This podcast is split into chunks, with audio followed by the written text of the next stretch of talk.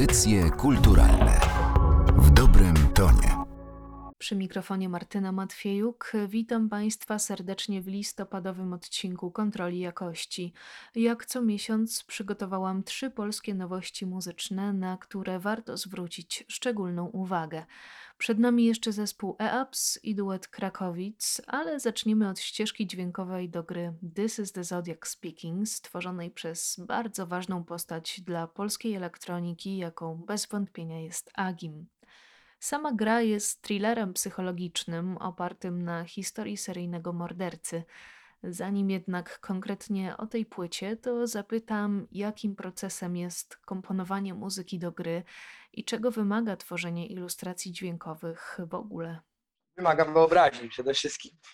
I to takiej powiedzmy zintensyfikowanej, to znaczy warto jest mieć taką umiejętność albo otworzyć się na dane uniwersum, któremu ma towarzyszyć nasza muzyka, więc jakby wejście w świat tej gry, jej historię, klimat jest bardzo istotny. No, dla mnie najbardziej działa obraz, więc obraz jakby pobudza moją wyobraźnię. Pamiętam jak reżyser Krzysztof Guziński przedstawił mi projekt całej gry i oczywiście scenariusz, który był autorstwa pióra Łukasza Orbitowskiego, no to oczywiście w jakiś tam sposób podziałało na mnie, tak chyba analogicznie do czytania książek, znaczy te strzemki scenariusza, które dostałem, pobudziły jakąś moją wyobraźnię, ale poprosiłem jednocześnie o screeny pierwszych lokacji tej gry, żeby mógł poczuć atmosferę, albo inaczej, żebym ja mógł nadać jakąś atmosferę, odpowiedź na to, co widzę, co widzą moje oczy. No tak w skrócie oczywiście. Czyli pracowałeś głównie w oparciu o scenariusz stworzony przez Łukasza Orbitowskiego?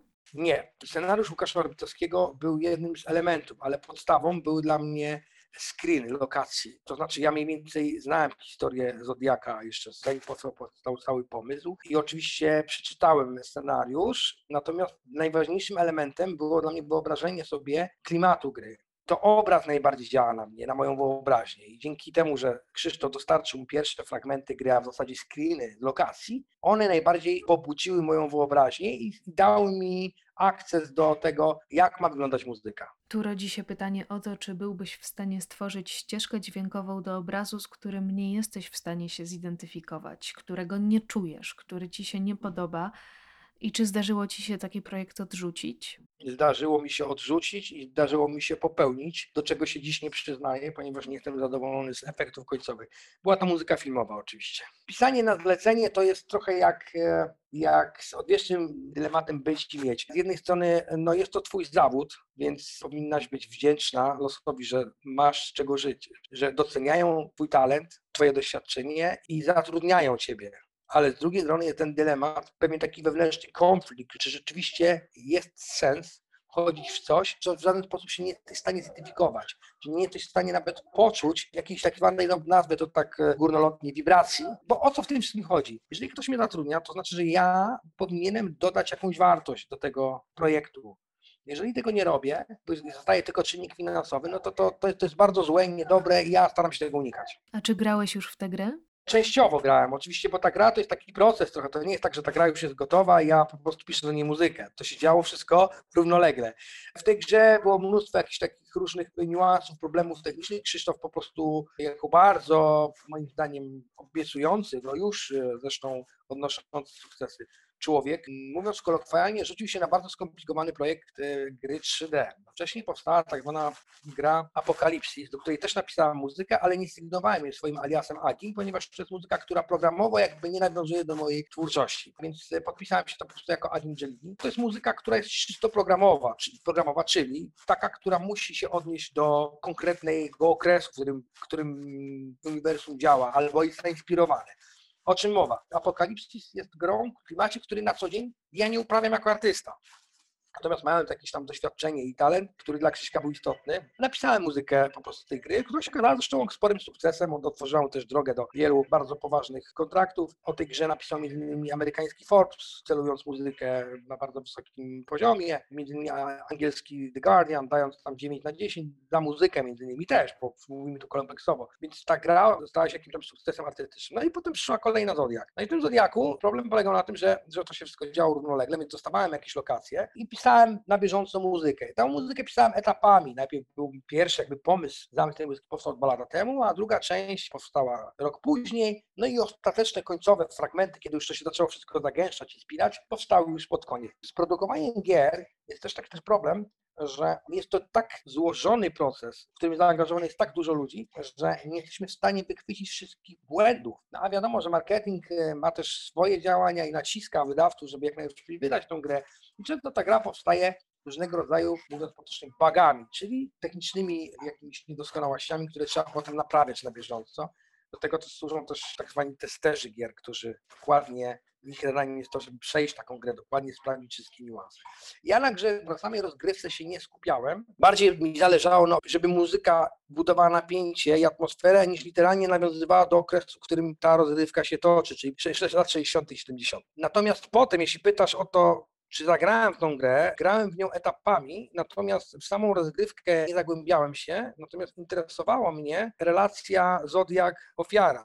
I zapytałem programistów, jak to się będzie odbywać. No i oni mi wytłumaczyli, że to wiadomo, każdy gracz ma inny sposób gry, prawda? Jeden gracz zagra w daną lokację minutę, drugi zagra w 10 minut, prawda? A muzyka musi być, no musi ewoluować w jakiś sposób. No i długo się zastanawiałem, jak to zrobić i zacząłem dużo dyskutować o niuansach technicznych i zrobiliśmy na zasadzie takiego morficznego działania, czyli na przykład stworzenie takiego algorytmu, gdzie ja na przykład napiszę konkretnie linearnie utwór, ale ja wam potem dam ścieżki, warstwy tego utworu te, i te warstwy będą same reagować na styl gry gracza. Czyli na przykład jak mamy bliskie zbliżenie mordercy, no to wtedy te, ta muzyka, tej, to napięcie rośnie, dramaturgia się zagęszcza. Jeżeli na przykład on się oddala, no to ta muzyka po prostu zaczyna być oszczędna w formie. I ten program, który oni tam stworzyli, jakby miksował na bieżąco te warstwy, które ja napisałem. Więc de facto gdzieś tam współtwórcą tej ścieżki jest też styl gry danego gracza. I to jest taka mniej przyjemna praca, bo to jest takie już empiryczne działanie, gdzie tak naprawdę już nie chodzi o proces twórczy, tylko techniczne rozwiązania w samej Mhm. grze. No bo film jest o tyle prości, że, że film ma budowę linearną, więc tą dramaturgię wiadomo, jakie napięcie gdzie rozłożyć w danym momencie w grze, jest to trochę bardziej skomplikowane. I to rzeczywiście jest żmudna praca. To, o czym mówisz, przypomina mi słowa Reziny, która niedawno stworzyła soundtrack do gry Vampire the Masquerade.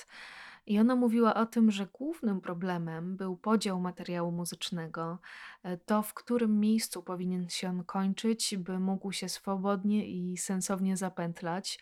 Tu odsyłam Państwa do kontroli jakości z października, a kontynuując jeszcze ten temat e, pracy na zamówienie, to bardzo często stajesz też po stronie realizatora dźwięku i zastanawiam się, czy da się łatwo oddzielić swoje preferencje muzyczne, swoją wrażliwość od takiego poprawnego, technicznego realizowania dźwięku.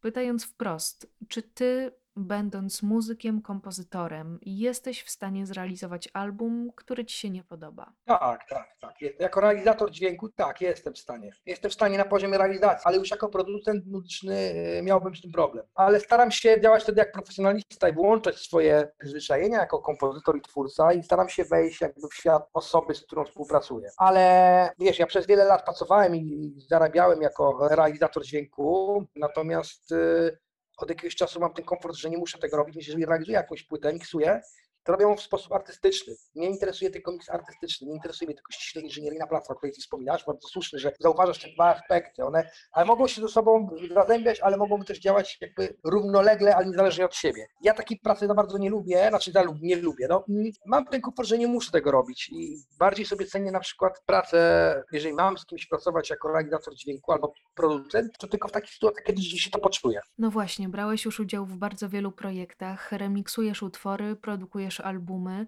Czy jest jeszcze jakiś obszar, który czujesz, że powinieneś odkryć? Jakiś rodzaj projektu, który za tobą chodzi?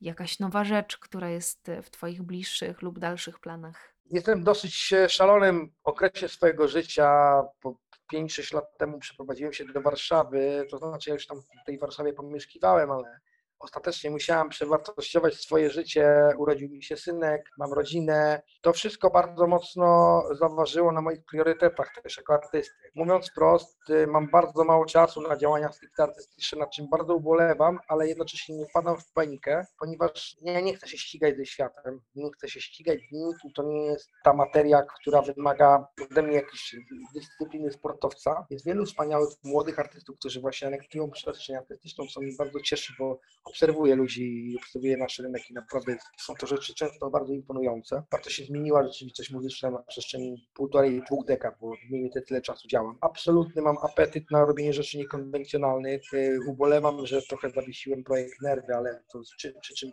czysto finansowo, zawodowych jest to trochę karkołomne, nie mam takiego komfortu, żeby móc się zająć tylko i wyłącznie y, działaniami artystycznymi. Pechowo i niepechowo złożyło się w moim życiu tak, że zawsze miałam pracę, ale ta praca niekoniecznie zawsze dawała mi satysfakcję artystyczną. Natomiast jako osoba odpowiedzialna i osoba, która ma rodzinę, no muszę czasami y, ważyć te dwa światy. Moim nadrzędnym celem jest to doprowadzić do sytuacji, w której y, nie będę już musiał lawirować pomiędzy tymi dwoma światami.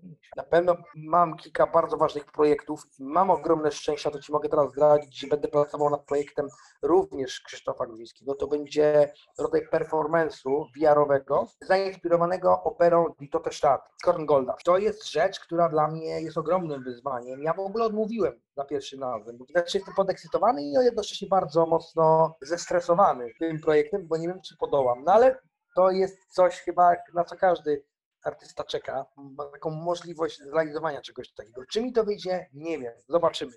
Pracuję teraz nad tym, do końca grudnia musimy zrealizować pierwsze fragmenty tej muzyki do tego performance'u, performance takiego projektu w zasadzie. Trudno to nazwać, to można nazwać powiedzmy quasi operą. Gdzieś tam jest, skoro pytasz mnie o obszary, które mnie fascynują, mnie zawsze fascynowała muzyka współczesna, ale mój poziom intelektualny i wykształcenie zawsze gdzieś tam mocno deprecjonowały moje zachęty do sięgnięcia po tego typu działania, chociaż tam gdzieś tam dam temu upust w projekcie Nerwy znowu się to pojawia, więc znowu będę mógł gdzieś tam bardzo mocno eksplorować obszary, które mocno zakorzeniły się we mnie jako dziecku, kiedy usłyszałem pierwszy raz Georgi Ligetiego w ścieżce dźwiękowej do Odysei Kosmicznej, a potem Karl Heinza Stockhausena. Ta muzyka mnie fascynowała i magia i tajemniczość, mimo że w sposób czysto empiryczny nic nie rozumiałem. Jakby wiem o tym, jestem przekonany, że w dużej mierze często twórczość tak wielkich kompozytorów nosi znamiona pewnej intelektualnej pracy sam proces jest istotny, a nie jego efekt końcowy. Natomiast no, moim zdaniem już te efekty i prace są też imponujące, bo mnie jako dziecka bardzo mocno zainfekowały i do dziś będzie siedzą, więc mam nadzieję, że będę mógł się zrealizować na tym polu. No oczywiście w międzyczasie wydam dwie epki w nurcie, który ostatnim czasie jest bardzo blisko, czyli mówię o muzyce szokopointej techno, za sprawą naszego wydawnictwa, które teraz powołaliśmy z Karolem Manoidem i Weissem Trialog. Pewnie coś zrobimy z Blue niebawem, ale na razie tak priorytetem jest dla mnie właśnie ten projekt e, inspirowany operą i to też tak. To powiedz jeszcze proszę, jak u Ciebie wygląda w ogóle praca? Czy to są jakieś takie rozbłyski idei, wir twórczy, czy raczej jesteś typem dłubacza, który w nieskończoność by coś poprawiał? Sprawianie w nieskończoność to jest natręctwo i to mówią o mnie często perfekcjonista, ale to jest coś, co to jest tak naprawdę, to jest pejoratyw. Ja tego nie postrzegam jak, jako coś, co, czym mógłbym się szczycić uczę się cały czas odpuszczać. Tak, to są rozbłyski różnych koncepcji. Ładnie to zgrabnie to określiłaś, rozbłyski różnego rodzaju idei. Ja jestem konceptualistą i mam kilka różnych teraz właśnie takich. Wiesz, ja mam ten problem, że ja lubię działać na wielu płaszczyznach. Nie, nie chciałbym tworzyć tylko wyłącznie w jednym określonym nurcie. Lubię szeroko pojętą muzykę elektroniczną i muzykę eksperymentalną. Też lubię różnego rodzaju mariaże z popem, który jest dla mnie też gatunkiem dość trudnym. I mówię o takim popie, w którym jest zawarte też myślenie twórcy. To jest też bardzo istotne, żeby te wszystkie rozbłyski myśli uporządkować potem. Ja tak działam etapami. Najpierw jest ten chaos, wynajduję kilka myśli, jak już się złapię jakiejś koncepcji, to już jakby dyscyplinuję się jako twórca i, i działam wokół tej koncepcji. Staram się nie wychodzić poza nią. To jest zawsze kuszące, bo na przykład jak stracisz pomysł, stracisz impet, to zaczynasz przeskakiwać, szukać w innych koncepcjach pomysłu na to. To jest niebezpieczne, bo ci się rozchodzi wtedy ten cały wysiłek intelektualny w tym wkładasz pewną spójność.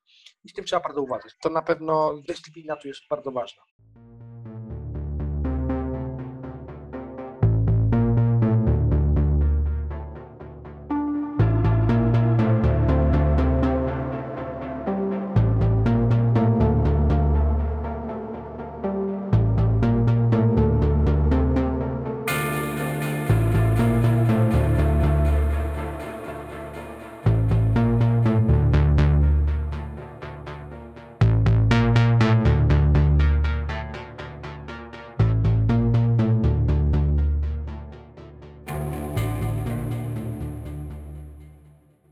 This is the Zodiac Speaking to autonomiczna ścieżka dźwiękowa Agima do gry stworzonej przez Krzysztofa Grudzińskiego.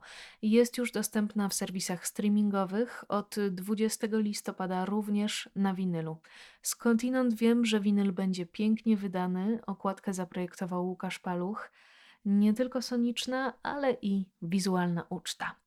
Bardzo polecam, a my już zmieniamy tory i przechodzimy do trzeciego albumu wrocławskiego zespołu EAPS. Discipline of Sunra to krążek zawierający około jazzowe interpretacje utworów jednego z najbardziej rewolucyjnych kompozytorów gatunku, jakim był Herman Paul Blount. Te interpretacje, jak to bywa w przypadku zespołu, są naprawdę śmiało i daleko idące.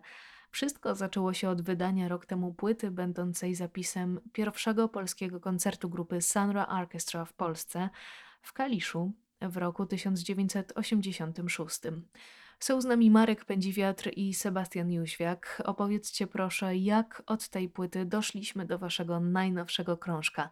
Co działo się w międzyczasie? Dużo się działo. Kiedy była premiera tej płyty, którą wspomniałaś, która powstała rok temu właśnie w hołdzie dla tego koncertu w Kaliszu. Przygotowaliśmy specjalnie, bo Sandra Orkiestra nie mogła przyjechać, no to przyjechał EAPS i przygotował interpretację właśnie utworów Sandra. Wydawało nam się, że zrobiliśmy to w naszym stylu, że selekcja utworów była ciekawa, Zagraliśmy ten koncert, zagraliśmy też parę koncertów właśnie z tym materiałem. Potem nastąpił lockdown. Dużo rozmawialiśmy między sobą w zespole i nagle pojawił się termin nagrania tego materiału. Mieliśmy to zrobić w Radio Opole, mieliśmy bodajże miesiąc na, na, przygotowanie się. Niby już graliśmy te koncerty, ale to chyba nie to, to chyba nie jest jeszcze nasza muzyka. Przez ten miesiąc zamknęliśmy się w salce prób i przewaliliśmy te utwory. Wywróciliśmy je do góry nogami. Czyli to powstanie tej płyty miało takie dwie fazy. Weszliście do salki prób, jak rozumiem, narzucając sobie tę dyscyplinę, z której też się wziął tytuł płyty i która jest jednym ze znaków rozpoznawczych Sanra. Wiele legend krąży na temat tego, jak surowym potrafił być względem siebie i członków swojego zespołu. Na w jaki sposób ta dyscyplina została przez Was y, zaimplementowana do Waszego grania?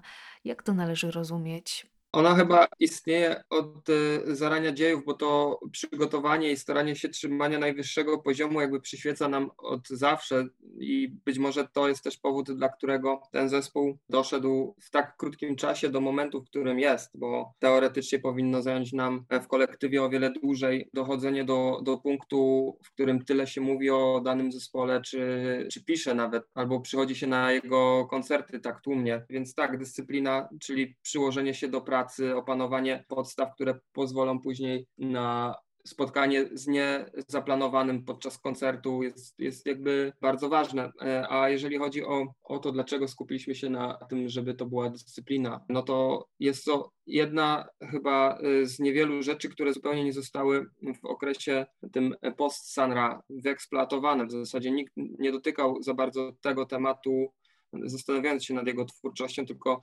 najczęściej było to coś związane z kosmosem, czy z, nie wiem, być może z tymi egipskimi inklinacjami, czyli czymś, co emanowało z Sanra tak bardzo, że było e, to jak najłatwiej dotknąć. A jak podchodziliśmy również do materiału komedowskiego, również chodziło nam o to, że w momencie, w którym żyjąc w kraju, w którym jakiś artysta jest tak bardzo wyeksploatowany, trzeba podejść do niego w ten sposób, żeby zaskoczyć czymś, zobaczyć coś od takiego kąta, w którym inni go nie widzieli. I wydaje mi się, że to, że my jesteśmy z Polski i mamy tutaj swoje doświadczenie i, i swój jakby rytm historyczny i rytm, e, no to musieliśmy znaleźć coś innego, co byłoby związane z afrofuturyzmem, bo to nie jest nasze dziedzictwo i jakby przebieranie się za czarnoskórych astronautów byłoby na pewno nie w smak nikomu. Tym bardziej, że, że ta płyta ma duży potencjał eksportowy, no to kiedyby zobaczyli sześciu białych chłopaków którzy w ten sposób e, parają się z nie swoim dziedzictwem, wyglądałoby to zupełnie niefajnie, więc mam nadzieję, że tym samym inni doceniliby to.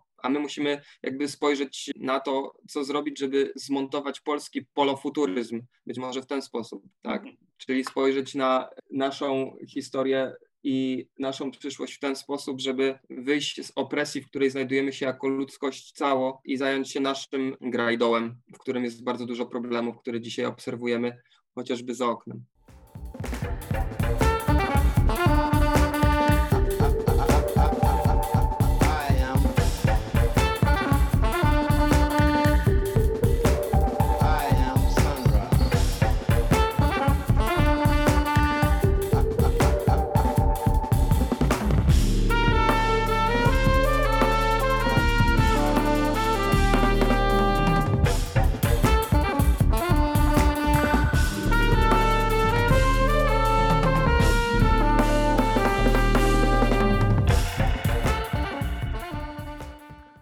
Porozmawiajmy trochę o samej muzyce, bo dyskografia Sanra jest imponująca, naprawdę przeogromna. Jakoś trzeba było dokonać selekcji utworów, które postanowiliście przetworzyć na swój język. Czy macie swoje ulubione okresy działalności tego kompozytora? No bo nie sposób byłoby tutaj łapać się za wszystko.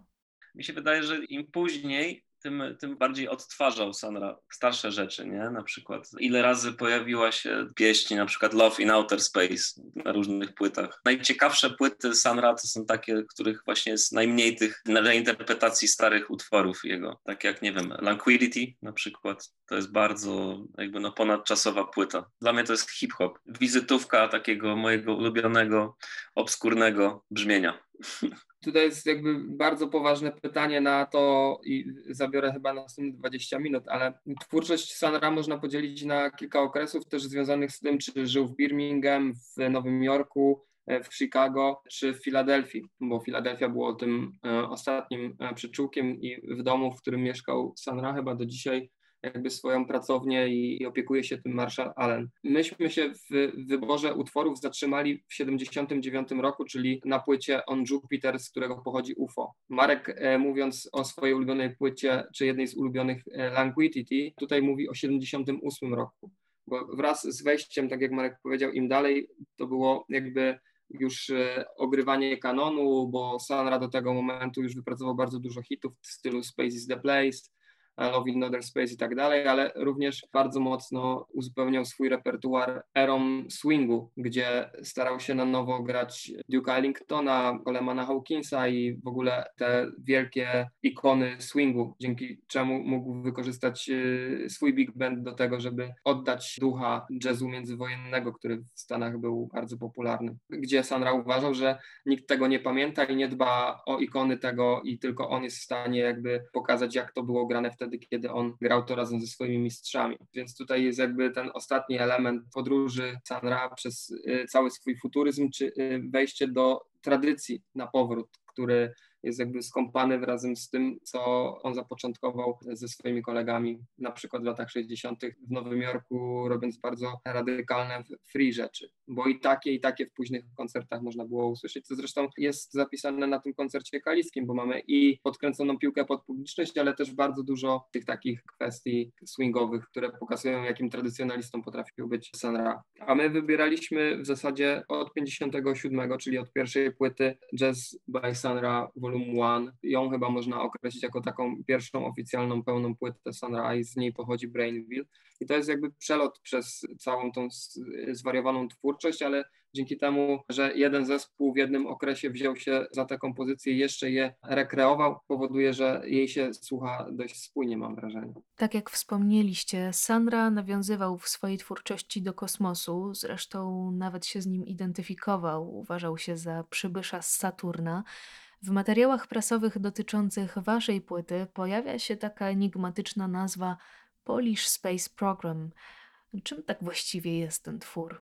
opowiem historię od początku właściwie, bo wszystko się zaczęło kształtować po Slavic Spirit. Myśleliśmy, czy, czy właśnie, czy nie zrobić płyty o, o naszej Matce Ziemi, że nastąpi rok 2050 y, i będzie koniec, Matka Ziemia się na nas zemści, ale tak naprawdę Sanra jeszcze dał jeszcze jedną podpowiedź, że jest już po końcu świata, a my chcieliśmy zrobić płytę o, o końcu świata, ale co zrobić, żeby przetrwać po tym końcu świata? Trzeba stworzyć Polish Space Program. Tak, i to jest takie nasze polskie science fiction, którym na kolejnym autorskim albumie będzie można już popuścić wodze wyobraźni i y, nie patrzeć na nic i zrobić tak wykręconą płytę, na jaką polski rynek, y, zwłaszcza jazzowy, nie jest chyba jeszcze gotowy. A elementy tych y, jakby futurystycznych kroków są chyba już słyszane przy okazji Lady with the Golden Stockings, gdzie są romanse z Juke'iem, co akurat jest ciekawe, że chicagowski styl został wmieszany w utwór, który został napisany i zagrany pierwszy raz w Chicago właśnie, więc jakby tutaj też są takie, takie smaczki. Więc jeżeli na nowej płycie będzie jazz połączony z dubstepem, z trapem, z drillem, z hip-hopem, z wszystkim, czego słuchamy i czym się inspirujemy, to myślę, że będziemy mówili już o jakiejś post-jazzowej, kosmicznej muzyce, jakiejś takiej technologiczno zaawansowanej, wykręconej. I budowanie Polish Space Program polega na tym, żeby budować e, taką przestrzeń do wyrazu swojej muzyki, która będzie na tyle odjechana na poziomie całej sceny, że trudno będzie ją dogonić. Będzie trzeba budować inne statki kosmiczne. Połączenie trapu, drillu i jazzu brzmi rzeczywiście intrygująco. Dziś mogę Państwa zapewnić, że tak odważny i unikatowy język, jakim posługuje się EAPS, jest czymś naprawdę szczególnym na naszej scenie i materiał z Discipline of Sunra nie pozostawia ku temu żadnych wątpliwości. A trzecią płytą w tym odcinku są reinterpretacje duetu Krakowic, tworzonego przez Piotra Figla i Dominika Gawrońskiego. Podstawą tego albumu stała się śląska muzyka ludowa, tyle że przetransponowana na dźwięki muzyki elektronicznej. W nagraniach wzięła udział Weronika Wronka, która użyczyła wokalu, natomiast te ludowe melodie odnaleźć można pośród wielu gatunków, łącznie z IDM-em czy stylistyką low-fiową. Pomysł jakże szalony. I jak on się zrodził? Właśnie zrodził się chyba z tego szaleństwa, o którym wspominałaś, to znaczy on jakoś tak spontanicznie się w ogóle pojawił, a później wyewoluował, bo to też nie, nie było tak, że od samego początku stwierdziliśmy, nagrywamy płytę Krakowi z elektronicznymi wersjami śląskich piosenek ludowych. W zasadzie od czego się zaczęło, to jest dobre pytanie. Piotrze, od czego to się zaczęło? Myśmy się zastanawiali, właściwie ty Dominik się zastanawiałeś już kilkukrotnie, żeby wziąć na warsztat właśnie coś większego, nie tylko jakby naszą autorską muzykę, tylko wziąć jakiegoś artystę i jego muzykę przetworzyć i wydaje mi się, że przez przypadek wyszło na to, że akurat trafiło na śląskie piosenki ludowe. Dominik kiedyś przyszedł z takim tematem, że o, to jest może dobry pomysł, żeby to zrobić. Karkołomny. Tak nam się wydawało, że będzie karkołomny. W trakcie robienia był karkołomny, e, ale wyszło chyba coś naprawdę fajnego, tak mi się wydaje. Tak, myślę, że przeszliśmy przez e, wiele trudnych chwil w trakcie powstawania tego projektu, bo w bardzo intensywny sposób wcześniej w takiej intensywności mieliśmy z tym do czynienia, docieraliśmy do ściany w różnych momentach powstawania tej muzyki, ale też się niebywale cieszę, że udało się to dokończyć i że jesteśmy bardzo zadowoleni z efektu. O to też chciałam zapytać, o te trudności na drodze powstawania tej płyty, bo wydaje mi się, że biorąc się za elektroniczne interpretacje muzyki ludowej, łatwo jest zapędzić się w taki róg banalności. Często zdarza się, że jako efekt końcowy dostajemy płytę ciekawostkę, która jest odsłuchiwana jednorazowo i odkładana. Wam się udało tego uniknąć, ale zapewne wcale nie było to takie proste. Trudno, mi przynajmniej trudno wskazać jedną najtrudniejszą rzecz, bo tych trudności było dużo. To znaczy, od, począwszy od samego wyboru repertuaru, bo śląskie piosenki ludowe to jest tak szerokie spektrum tematów, melodii i w ogóle no, olbrzymie bogactwo, w którym można bardzo długo poszukiwać. I od takich piosenek bardzo nieznanych, zupełnie zapomnianych, w ogóle niewykorzystanych, nawet nie zaaranżowanych współcześnie, nie mówiąc o aranżacjach elektronicznych, po takie, chciałoby się powiedzieć, banalne tematy, znane wszystkim, jak nie wiem, wiem, szła dzieweczka. Na początku trzeba było sobie odpowiedzieć na pytanie, jaki chcemy, żeby był ten repertuar, jakie chcemy, żeby to były piosenki. Jak już wybraliśmy, to kolejnym wyzwaniem było zaaranżowanie ich w taki sposób, z jednej strony ciekawy dla słuchacza, a z drugiej strony dla nas autorski.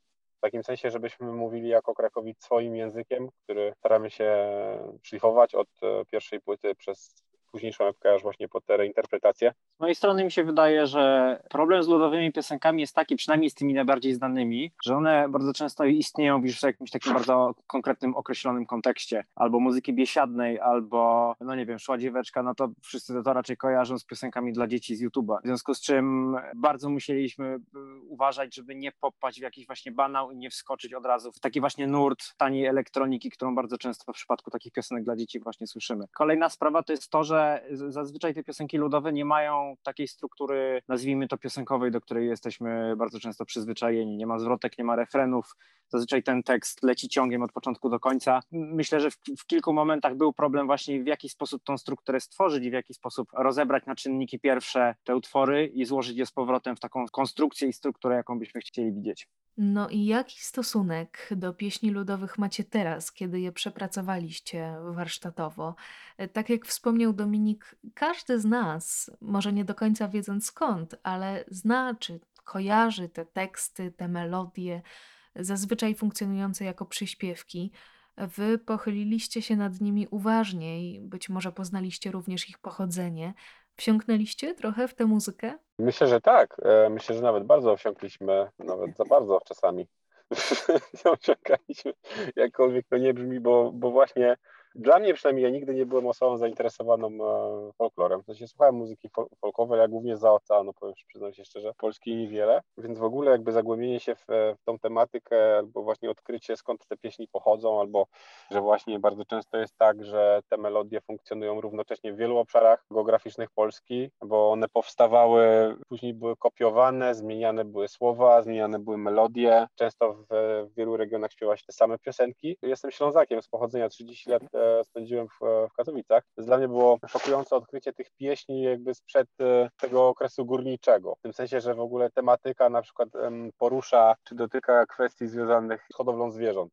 Mówiąc wprost, dla mnie to było duże odkrycie, że gdzieś te ludy, które zamieszkiwały te tereny wcześniej, no niekoniecznie zajmowały się tym, z czym mi się kojarzy ten teren, tylko zajmowały się tym zupełnie innym. Ciekawym źródłem jest e, Wikipedia, gdzie znajdują się chociażby oryginalne teksty i nawet zapisy linii melodycznych właśnie w formie plików MIDI. Można sobie po prostu przeglądać na przykład na podstawie samych tekstów, zbiory. Pieśni ludu śląskiego. Dokładnie. Juliusza Rogera, taki zbiór właśnie, tam XVIII wiek zdaje się, był to taki pan i, i to, to właśnie chyba było też takie odkrycie, które pozwoliło nam znaleźć rzeczy, które nie były w ogóle w żaden sposób robione w nowych aranżacjach, choćby to Rwała Pan na Wiśnie. Trzeci utwór na płycie. To jest utwór, do którego nie znaleźliśmy żadnej wersji. Nawet nie, nie, nie tylko mówię, nie elektronicznej, nawet nie współczesnej, tylko w ogóle żadnej. Tak jakby nie dotarliśmy do żadnego śladu w ogóle zaaranżowania tej piosenki na inną formę tej piosenki niż jej zapis nutowy i tekstu, więc czuliśmy się jak tak trochę od, odkrywcy. Było nam łatwiej, przyznam szczerze, akurat w tym przypadku nie mieliśmy takich skojarzeń w głowie. Podeszliśmy do tego tematu, w sensie tego zapisu y, słów i, i melodii na świeżo. A rozmawiając o Krakowic nieco szerzej, co uznalibyście za podstawę waszego brzmienia i również waszej współpracy? Bazą na pewno było nasze spotkanie się na festiwalu Audio River w 2009 roku, ponieważ wtedy się pierwszy raz spotkaliśmy na żywo po poprzednim e, mniej współpracy przez internet związanej z masteringiem płyty Dominika, które ja wykonywałem. No i tak naprawdę podstawą jest jakby przyjaźń, która się wtedy ukuła i, i to, co dalej było, czyli zaczęliśmy się spotykać w studio i zaczęliśmy robić tę muzykę. Po zrobieniu, nie wiem, dwóch, trzech, może czterech numerów zaczął się pojawiać pomysł na całą taką retro otoczkę, czyli wszystkie artworki, które bazują na naszych starych zdjęciach. Nasza muzyka ma też troszeczkę taki vibe właśnie i starych transów, i troszeczkę muzyki z lat 80., 90., więc ja myślę, że jakby to jest baza tego, czy, czym jest Krakowic. Dla mnie w odróżnieniu może do przeszłości w, w tej chwili w zasadzie Krakowice jest jedynym e, projektem, przy którym się udzielam. Natomiast e, to, co go różni od e, tych, z którymi miałem doświadczenia w przeszłości, to jest to, że właśnie było odwrotna kolejność. Sensie to nie było tak, że najpierw wymyśliliśmy nazwę zespołu, a później zastanawialiśmy co ma być na płycie. Tylko tutaj w ogóle jakoś tak zupełnie niezobowiązująco zaczęliśmy rozmawiać o muzyce, później spotkaliśmy się w studiu i w ogóle gdzieś to się rodziło samo od dołu. Najpierw chcieliśmy w ogóle coś robić muzycznie, a później się zastanawialiśmy, co to będzie.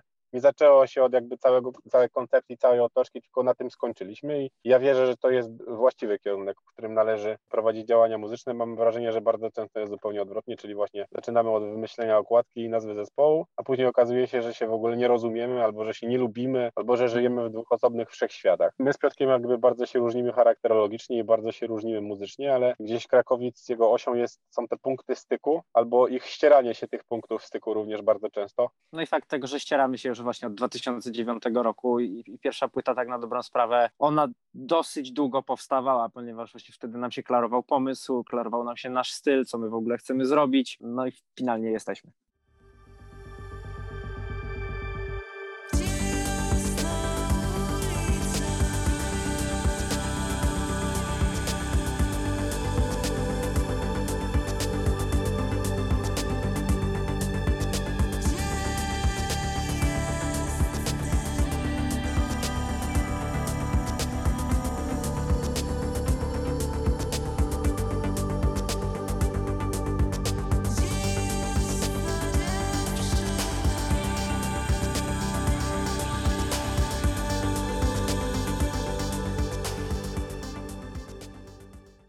To fragment z płyty Reinterpretacje duetu Krakowic. Bardzo ciekawy mariaż folku, ludowości i współczesnych brzmień elektronicznych. Pozostawiam Państwa z listą tych trzech polskich albumów z ostatniego miesiąca i oczywiście słyszymy się w kontroli jakości już w pierwszy piątek grudnia. Bardzo dziękuję. Martyna Matwiejuk. Audycje kulturalne